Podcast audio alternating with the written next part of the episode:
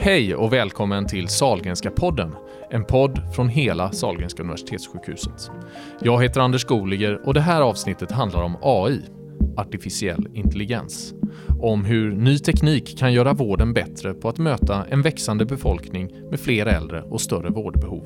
Artificiell intelligens, kan det vara svaret på vårdens stora utmaning? Och kan datorerna rent av hjälpa vården att bli mer mänsklig? Välkomna hit till Salgrenska podden, Almira Osmanovic Tunström och Marcus Österberg. Almira, du arbetar som eh, verksamhetsutvecklare inom psykiatri affektiva. Och Marcus, du är anställd på Västra Götalandsregionens koncernkontor som regionutvecklare. Men du har också ett nationellt uppdrag inom Swelife. Almira, kan vi inte börja med dig? Vad gör du som verksamhetsutvecklare? Ja, jag jobbar ju mycket med digitaliseringsprojekt och framförallt IT. Och där omfattar jag de här stora trendorden.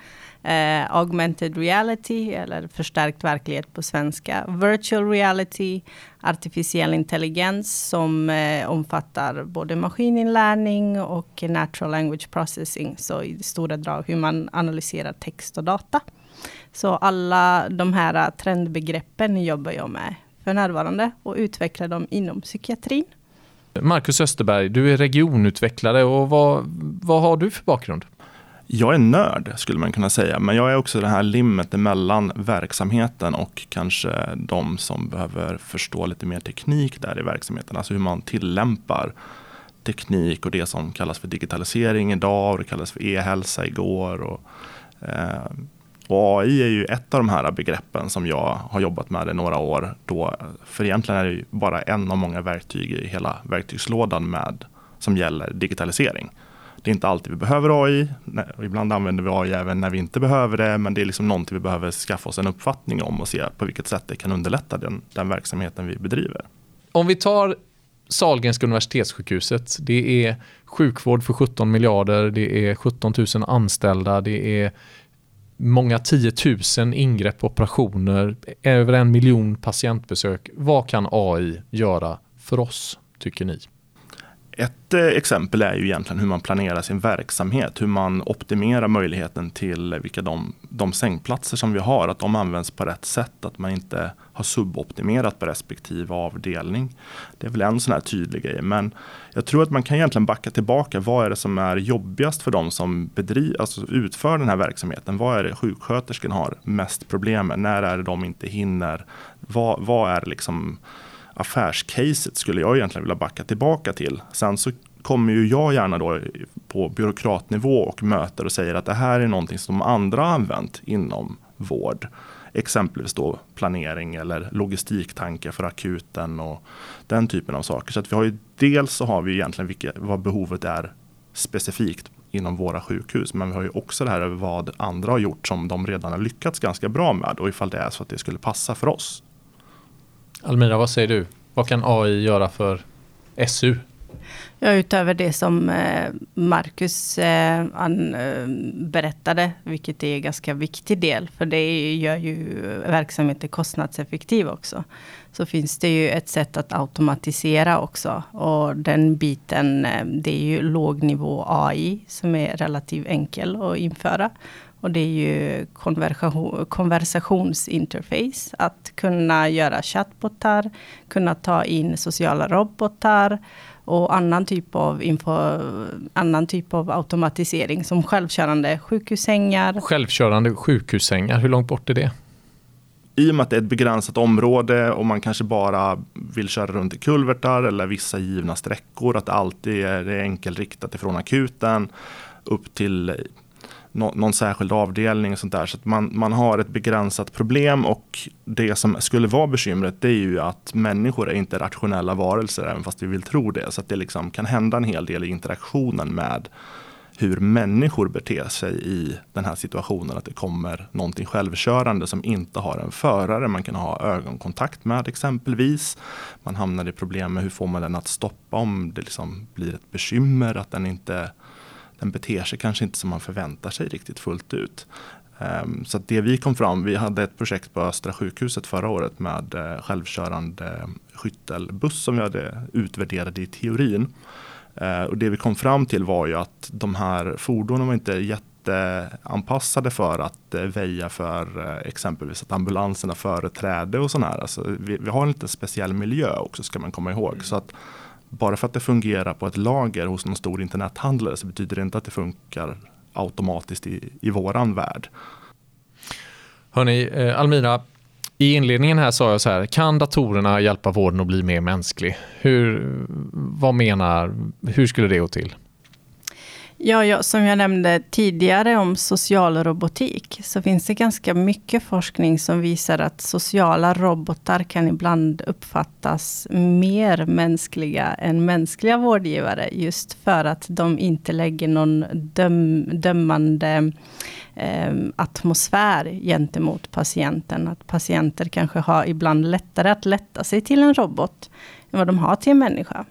Det skulle man kunna utnyttja när det gäller just ångest inför en operation eller när man behöver få information som man ska ta till sig på ett objektivt sätt och inte känna att man blir pressad av en, av en annan människas fördomar eller, eller um, förutfattade meningar. Och på så sätt skulle man ju kunna nyttja social robotik för att göra vården mer mänsklig och personcentrerad. För oftast innan eh, en operation så kanske man inte får eh, sammanhängande information.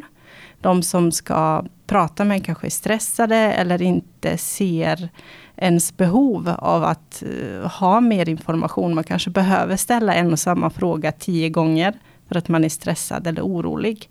Med en chatbot så känner du inte dig till besvär genom att fråga om och om igen och kanske få en liten notis om precis vad som har sagts på dens mage på en skärm. Så att på det sättet så kan ju robotar och sociala robotar och AI aldrig ersätta människan. Men de kan ju erbjuda en eh, förlängd hand gentemot patienten och hur den skulle kunna uppfatta sin vårdsituation. Vad, vad, möts ni av när ni kommer ut på Sahlgrenska universitetssjukhuset och pratar om AI eller möjligheterna med teknik överhuvudtaget? Hur, är, hur redo är vi som organisation eller som medarbetare i vården att ta till oss nya arbetssätt eller ny teknik? Jag tror att många behöver få höra det jag och Marcus säger är, och där vi avdramatiserar vad AI är. Och jag brukar ju dela upp när jag ska prata med eh, personer som inte eh, är eh, i, inom AI-branschen, men inom sjukvården, så brukar jag dela upp AI-aspekten i fyra olika grenar. System som tänker som människa, system som tänker rationellt, och system som agerar som människan, och system som agerar rationellt. Och då brukar man kunna se, ja, tänka rationellt, ja, beslutsstöd, de biomarkörer, eh, hjärnavbildning. Där kan vi bygga system som tänker rationellt. Vad kan det handla om här på Sahlgrenska universitetssjukhuset? Titta på bilder, eh, ja, men det här bilddiagnostik. Skapis är ju ett sådant projekt där vi tittar, låter en, eh, en robot titta på en mängd bilder av eh, lungor och hjärtan och, och, se, kan du hitta samband så att säga, mellan sjuklighet eller tidiga markörer eller så? Den Precis, typen. och där har du ett perfekt exempel på eh, tänka eh, rationellt och tänka som människa. Både det och den här pre-hospice-projektet eh, med eh, identifikation av eh, sepsisrisk. Där har du det. Vad gör man där i det projektet? Beskriv det. I det projektet så försöker man eh, ta in så mycket data som möjligt ifrån eh, från olika IT-system som finns eh, inom hälso och sjukvården, eh, som riktar sig mot den här patienten som är i ambulansen, för att avgöra dels på dess vitalparametrar, forskning, tidigare forskning, annan information, samt den information som finns om patienten. Och göra en snabb eh, utvärdering och beslutsstöd om den är, har stor sepsisrisk eller ej. Och tänka som människa är ju just i de här eh, beslutstegen, eh, självkörande bilar, eh, sjukhussängar som möter varandra. Och sen agera som människa, där har du ju de här chattbottarna och sociala robotar vid vilka situationer behöver vi någonting som agerar människa och vilken eh, del av verksamheten behöver något som agerar rationellt. Och det här med att agera rationellt är ju också lite beslutsstöd. Um, när, ha, när ska vi ha en, kanske en säkerhetsrobot som inte tar till den här informationen och ska agera mänsklig, men ska bara agera ja, på ja eller nej basis. Är det här en fara eller inte? Och inte ta in så mycket av de mänskliga aspekterna. Det, AI är väl dels ett verktyg och en produkt i vården skulle man kunna säga. Som produkt så har vi det här med, som vi nämnde, huruvida eh, vad som är ett normal hjärta om man har en röntgenbild på det. Att Det ska finnas två kammare, det ska se ut på ett visst sätt. Liksom. Och då, då har en människa egentligen berättat att det här är det som jag ser som är normalt. Om det är någonting som avviker väldigt mycket från det, ja, då, då ska vi sortera i den här högen. Så det, det är sånt där som egentligen skulle en människa som är okunnig kunna sitta där och ha tittat på ett hundratal bilder av vad som är normalt och kanske inse att det här inte är normalt. Men eftersom en människa tar ju tid och kanske ska hålla på med saker som är ännu mer värdeskapande eller ta hand om patienter, att eh, ta hand om och trösta, komma med ett glas vatten, att vara proaktiv, att se andra saker. Så, så kan man välja att städa undan vissa arbetsuppgifter som är ganska enkla att få ner på ett sådant sätt som att egentligen se att det här var inte normalt, det här behöver vi ha en människa som tittar på, en specialist. Och det är väl lite det som är med de här, alltså om man tar vårdvarianten av de här kundtjänstrobotarna eh, eller chattbottarna är ju att man har en digital medarbetare som möter en i en reception istället för att man ska ha en vårdkunnig person som sitter och svarar på frågor om fakturering och Eh, sånt där. Och det, det, kan behövas en människa där också, men inte för alla frågor. Och ibland så kan det vara väldigt skönt, som Almira nämner också, det här med att man inte behöver, alltså det kan vara så att man känner den personen, att man är återkommande, att det kommer någonting nytt. Så att det finns liksom en sekretesspoäng där i. Eh, men största poängen är ju att den människan som kan vård, som förstår verksamheten, är i ett väntrum och förbereder eller gör någonting eller träffar en patient eller gör någonting som är unikt för den personens kompetens. Men kommer vi som patienter, tror ni, och även vårdens professioner, kommer vi att lita på en AI? Om ja. det är en hög som har sorterats ut, de här, eh, de här eh, screeningbilderna på efter mammografi, de klassas som ofarliga. Okej, okay, säger vem då? Kanske jag frågar mig som patient. Ja, men vi har en robot här som har tittat på dem så då det verkar lugnt. Litar vi på det? I den generella frågan så skulle jag ju säga att, att en läkare som inte har tagit hjälp av AI kommer ju vara en oansvarig person om tio år. Jag kommer inte personligen att vilja ha en sån person. Sen så ska jag ju kanske inte säga att jag föredrar att bara ha en AI istället för en människa plus en AI. Men egentligen är poängen att man har en människa som har fått en förstärkt intelligens tack vare AI. Ja, och det är ju idag när du går och tar ett blodprov eh, och du ska kolla ditt hemoglobinvärde. Eh, litar du på att maskinen visar rätt? Det, förr i tiden så tog man ju och analyserade blodet visuellt och hade massa teorier om hur, den, eh, hur frisk man var beroende på färg. Och nu har man ju en maskin som ser åt den. Självklart är det alltid en människa som gör eh, dubbelutvärdering och tittar på dina andra tillstånd och ditt mående. Men du har ju ändå en maskin som är ditt beslutsstöd. Om en person har eh, anemi eller inte. Och det är ingen som frågar, men visar den här maskinen rätt, såvida den inte är trasig? Almira, kan inte du beskriva lite aktuella projekt som pågår hos er på psykiatri affektiva? Vad jobbar ni med där för projekt inom AI? Ja, under en längre tid så har vi ju försökt att se hur vi kan avlasta våra vårdgivare från olika typer av eh, uppgifter som tar tid. Som ett exempel så kan ju ett eh, vårdbesök börja med att man ska fylla i mängder med enkäter. Och en del av de här är ju egentligen anonyma. Så de skulle ju kunna göras på en annan typ av eh, maskineri. Och vissa av de här eh, enkäterna kräver att man ställer en intervjufråga. Och då har vi tänkt, då kan man använda social robotik. Dels för att ge patienten någon roligare användargränssnitt, där en iPad eller en eh, dator. För det är ganska tråkigt att sitta vid en sån. Det är ganska roligt att sitta med en robot. Eh, och så titta på hur man kan använda just eh, natural language processing, från text till data för att underlätta datainsamling inom, när det gäller patientdata. Men du, vad är det här NLP då, Natural Language Processing, vad är det? Det är helt enkelt att man gör om text till data. Det är ett eh, systematiskt sätt att använda sig av eh, allt som inte är siffror för att få göra om det till eh, kvantifierade modeller. Du får en kommando ifall patienten säger jag har ont i magen, så kodas det om till jag har ont i magen, blir det en ett eller nolla. Och sen får du ett svar tillbaka. Hur länge har du haft ont i magen? Så det, man gör om text till data i det enklaste. Hur går de här enkäterna till idag? På papper. Eh, stort sett allt sköts via papper i nuläget som sen samlas in och läggs in i Excel-ark. Så det tar ju ganska mycket tid. Och det tar ju ganska mycket ork. Och sen brukar man oftast anställa någon som kan um, under sommarlov eller någon student som kan mata in den här datan i Excel. Du jobbar ju här mitt i, hör ju till som vi säger på sjukhuset, du finns i linjen så att säga i verksamheten. Och, och vad möter du, hur har det varit att ta sig in med din bakgrund då i den här eh, sjukhusvärlden tycker du? Det har varit förvånansvärt lätt just för att när man berättar om sin bakgrund och sitt mål så har folk mängder med idéer. Eh, de har mängder av saker de vill lösa. För närvarande så jobbar vi eh, med ett projekt som vi precis sökt pengar för.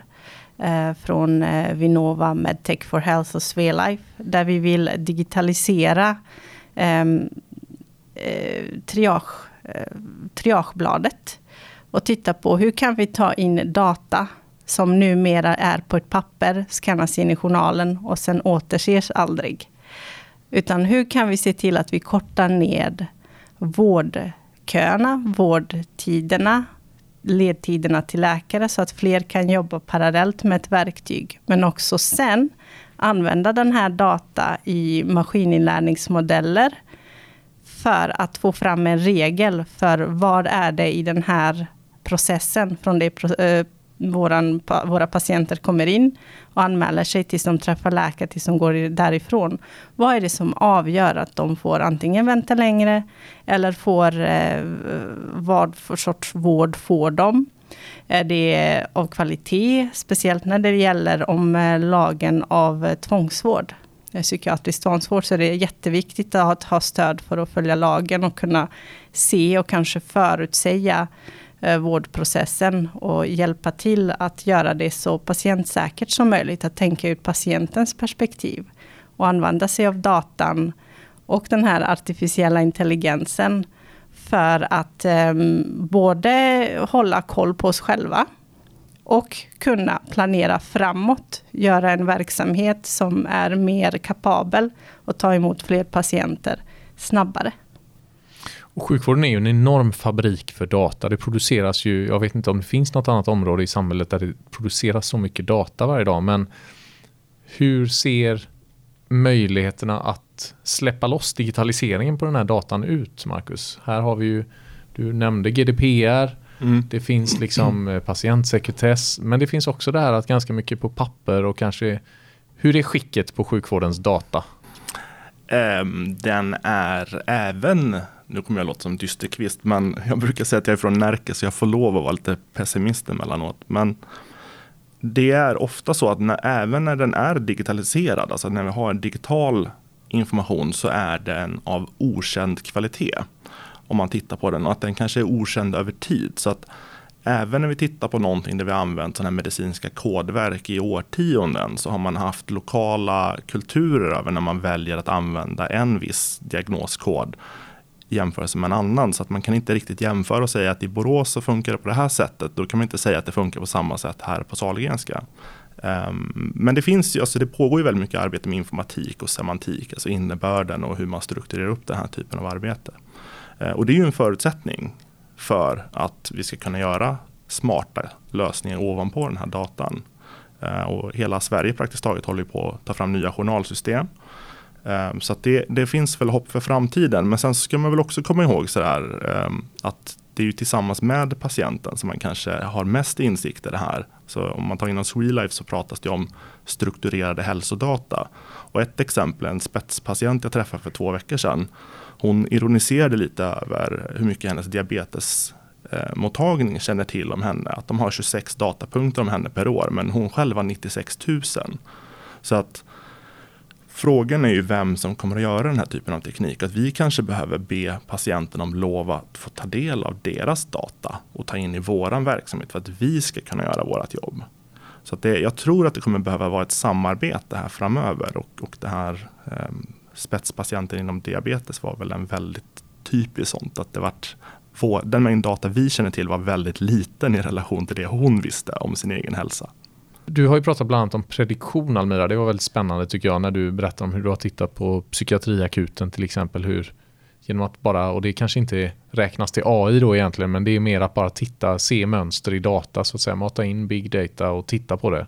Eh, berätta lite om det projektet eller hur, hur ni tänker där. Man skulle ju kunna bara titta på vad är trenden rent statistiskt och hur kan den komma att se i framtiden utifrån den historiska datan vi har. Men sen kommer ju massa intressanta andra saker. Tänk om vi kunde få in väderprognoser. Vi har ju märkt, både enligt forskning och i våra egna ögon, att väder påverkar hur många som faktiskt kommer till eh, psykiatriakuten. Och det gör det ju till den somatiska akuten också förmodligen. Hur, hur påverkar vädret?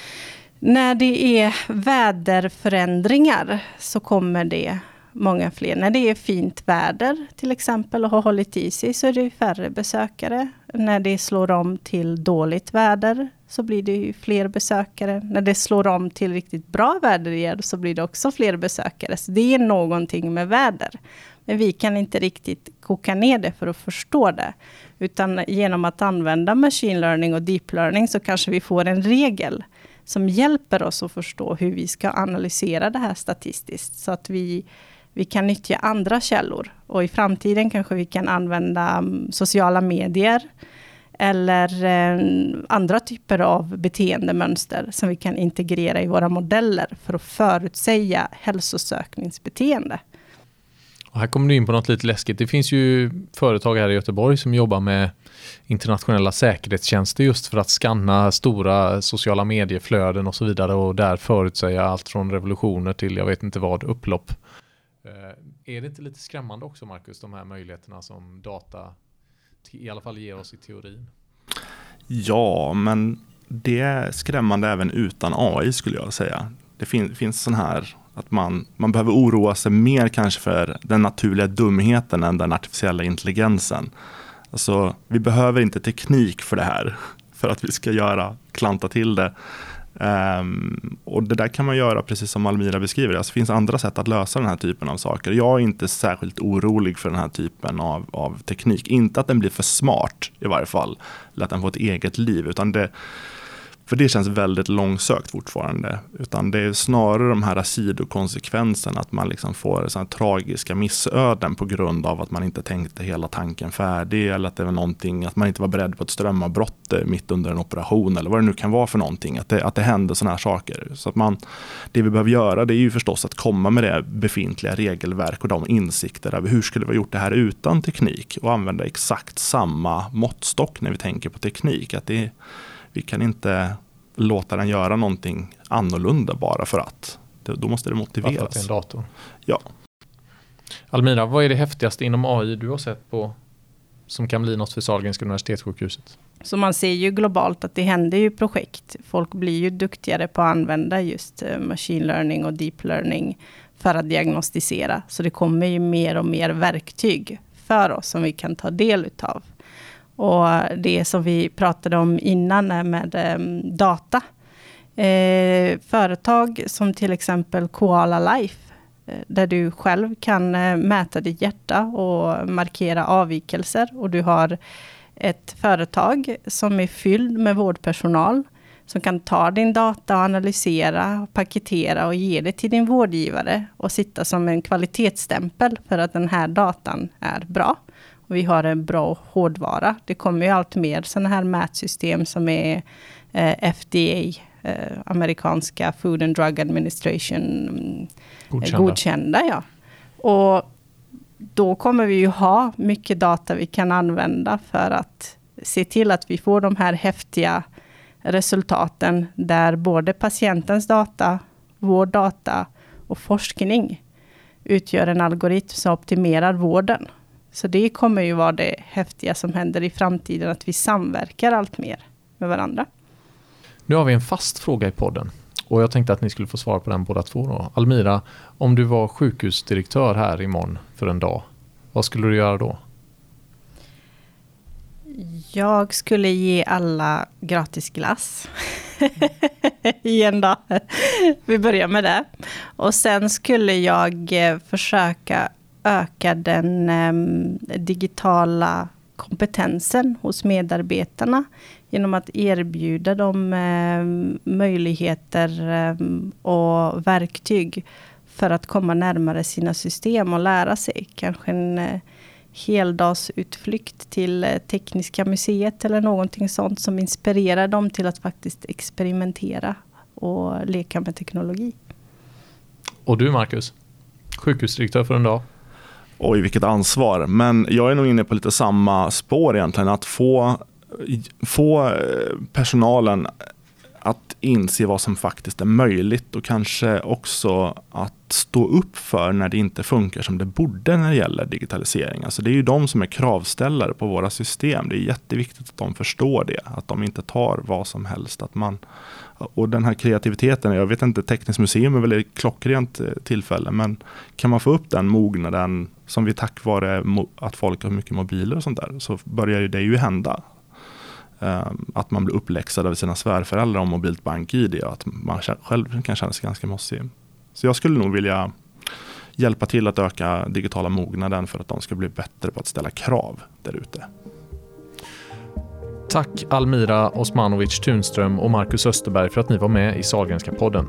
Jag som har intervjuat heter Anders Goliger och är kommunikationsdirektör på Sahlgrenska Universitetssjukhuset. Sahlgrenska podden kommer varje månad. Följ oss där du hittar poddar. Och jag är såklart nyfiken på vad du som lyssnare tycker om podden. Hör av dig till mig och berätta eller tipsa mig om gäster eller ämnen. Tack för att du lyssnat. Sahlgrenska podden, en podcast från Västra Götalandsregionen.